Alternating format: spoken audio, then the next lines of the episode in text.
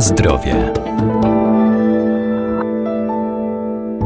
Każda żywność, którą kupujemy, musi być dokładnie oznakowana. Zawarta na niej etykieta to dla nas cenne źródło informacji, bo producenci stosują różne zabiegi marketingowe, by nakłonić nas do zakupu danego artykułu. Kupując produkt opisany jako wiejska specjalność czy z domowej spiżarni, oczekujemy, że nie zawiera on sztucznych dodatków i został wytworzony z naturalnych składników. Jednak o tym dowiemy się z wykazu surowców użytych do produkcji.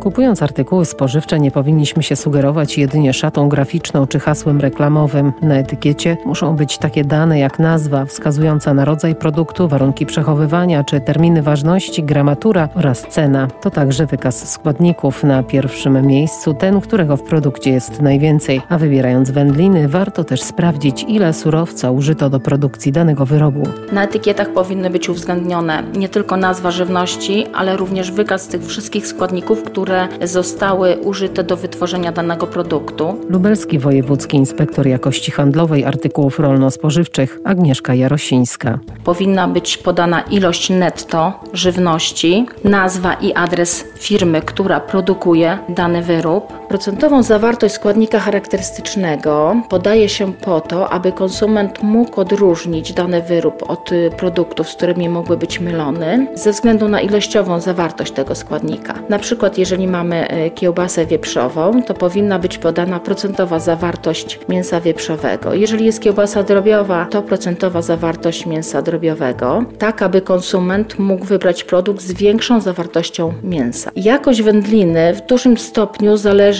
od e, zawartości mięsa, jak również od sposobu produkcji. Przetwory mięsne zawierające w swojej nazwie określenia takie jak babuni, wiejski czy domowy w swoim składzie nie mogą zawierać dozwolonych substancji dodatkowych, które w żaden sposób nie są wykorzystywane podczas ym, przygotowania takiej wędliny w warunkach domowych. Przykład karageny, glutaminian sodu, polifosforany, barwniki, aromaty, jak również y, należy tutaj dodać mięso oddzielone mechanicznie. Zwracajmy również uwagę na różnego rodzaju dodatkowe zapisy, na przykład 100 g wyrobu wyprodukowano ze 130 g mięsa wieprzowego. To oznacza, że są to produkty o wysokiej zawartości tego mięsa.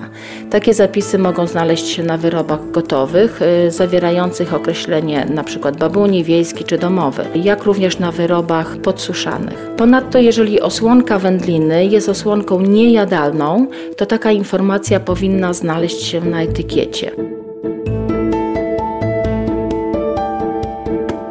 Na zdrowie.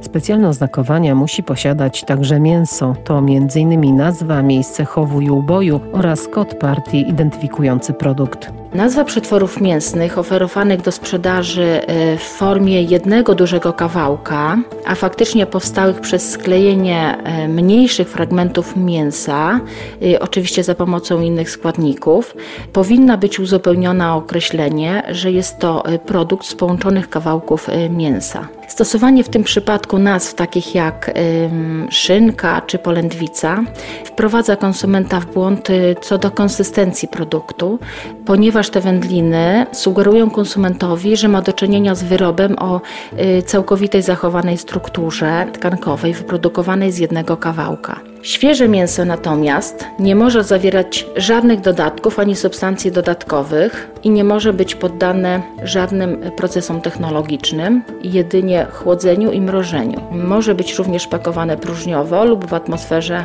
ochronnej. I na etykiecie e, mięsa świeżego musi być dodatkowo wyszczególniony kraj chowu i kraj uboju zwierząt bądź e, ptaków. Jeżeli natomiast zwierzęta są chowane i ubite w jednym kraju, to podaje się jedynie ten kraj, kraj jako pochodzenie. I na etykiecie dodatkowo e, powinny być e, podane warunki przechowywania, gdzie w przypadku wyrobów pakowanych w atmosferze ochronnej lub próżniowo producent e, powinien wskazać szczegółowo w jakich warunkach i jak długo dany wyrób powinien być przechowywany. Powinna się znaleźć również data minimalnej trwałości, ilość netto, wartość odżywcza, nazwa i adres producenta.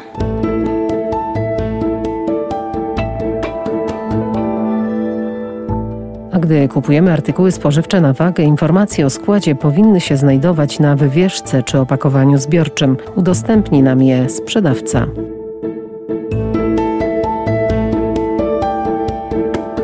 Na zdrowie.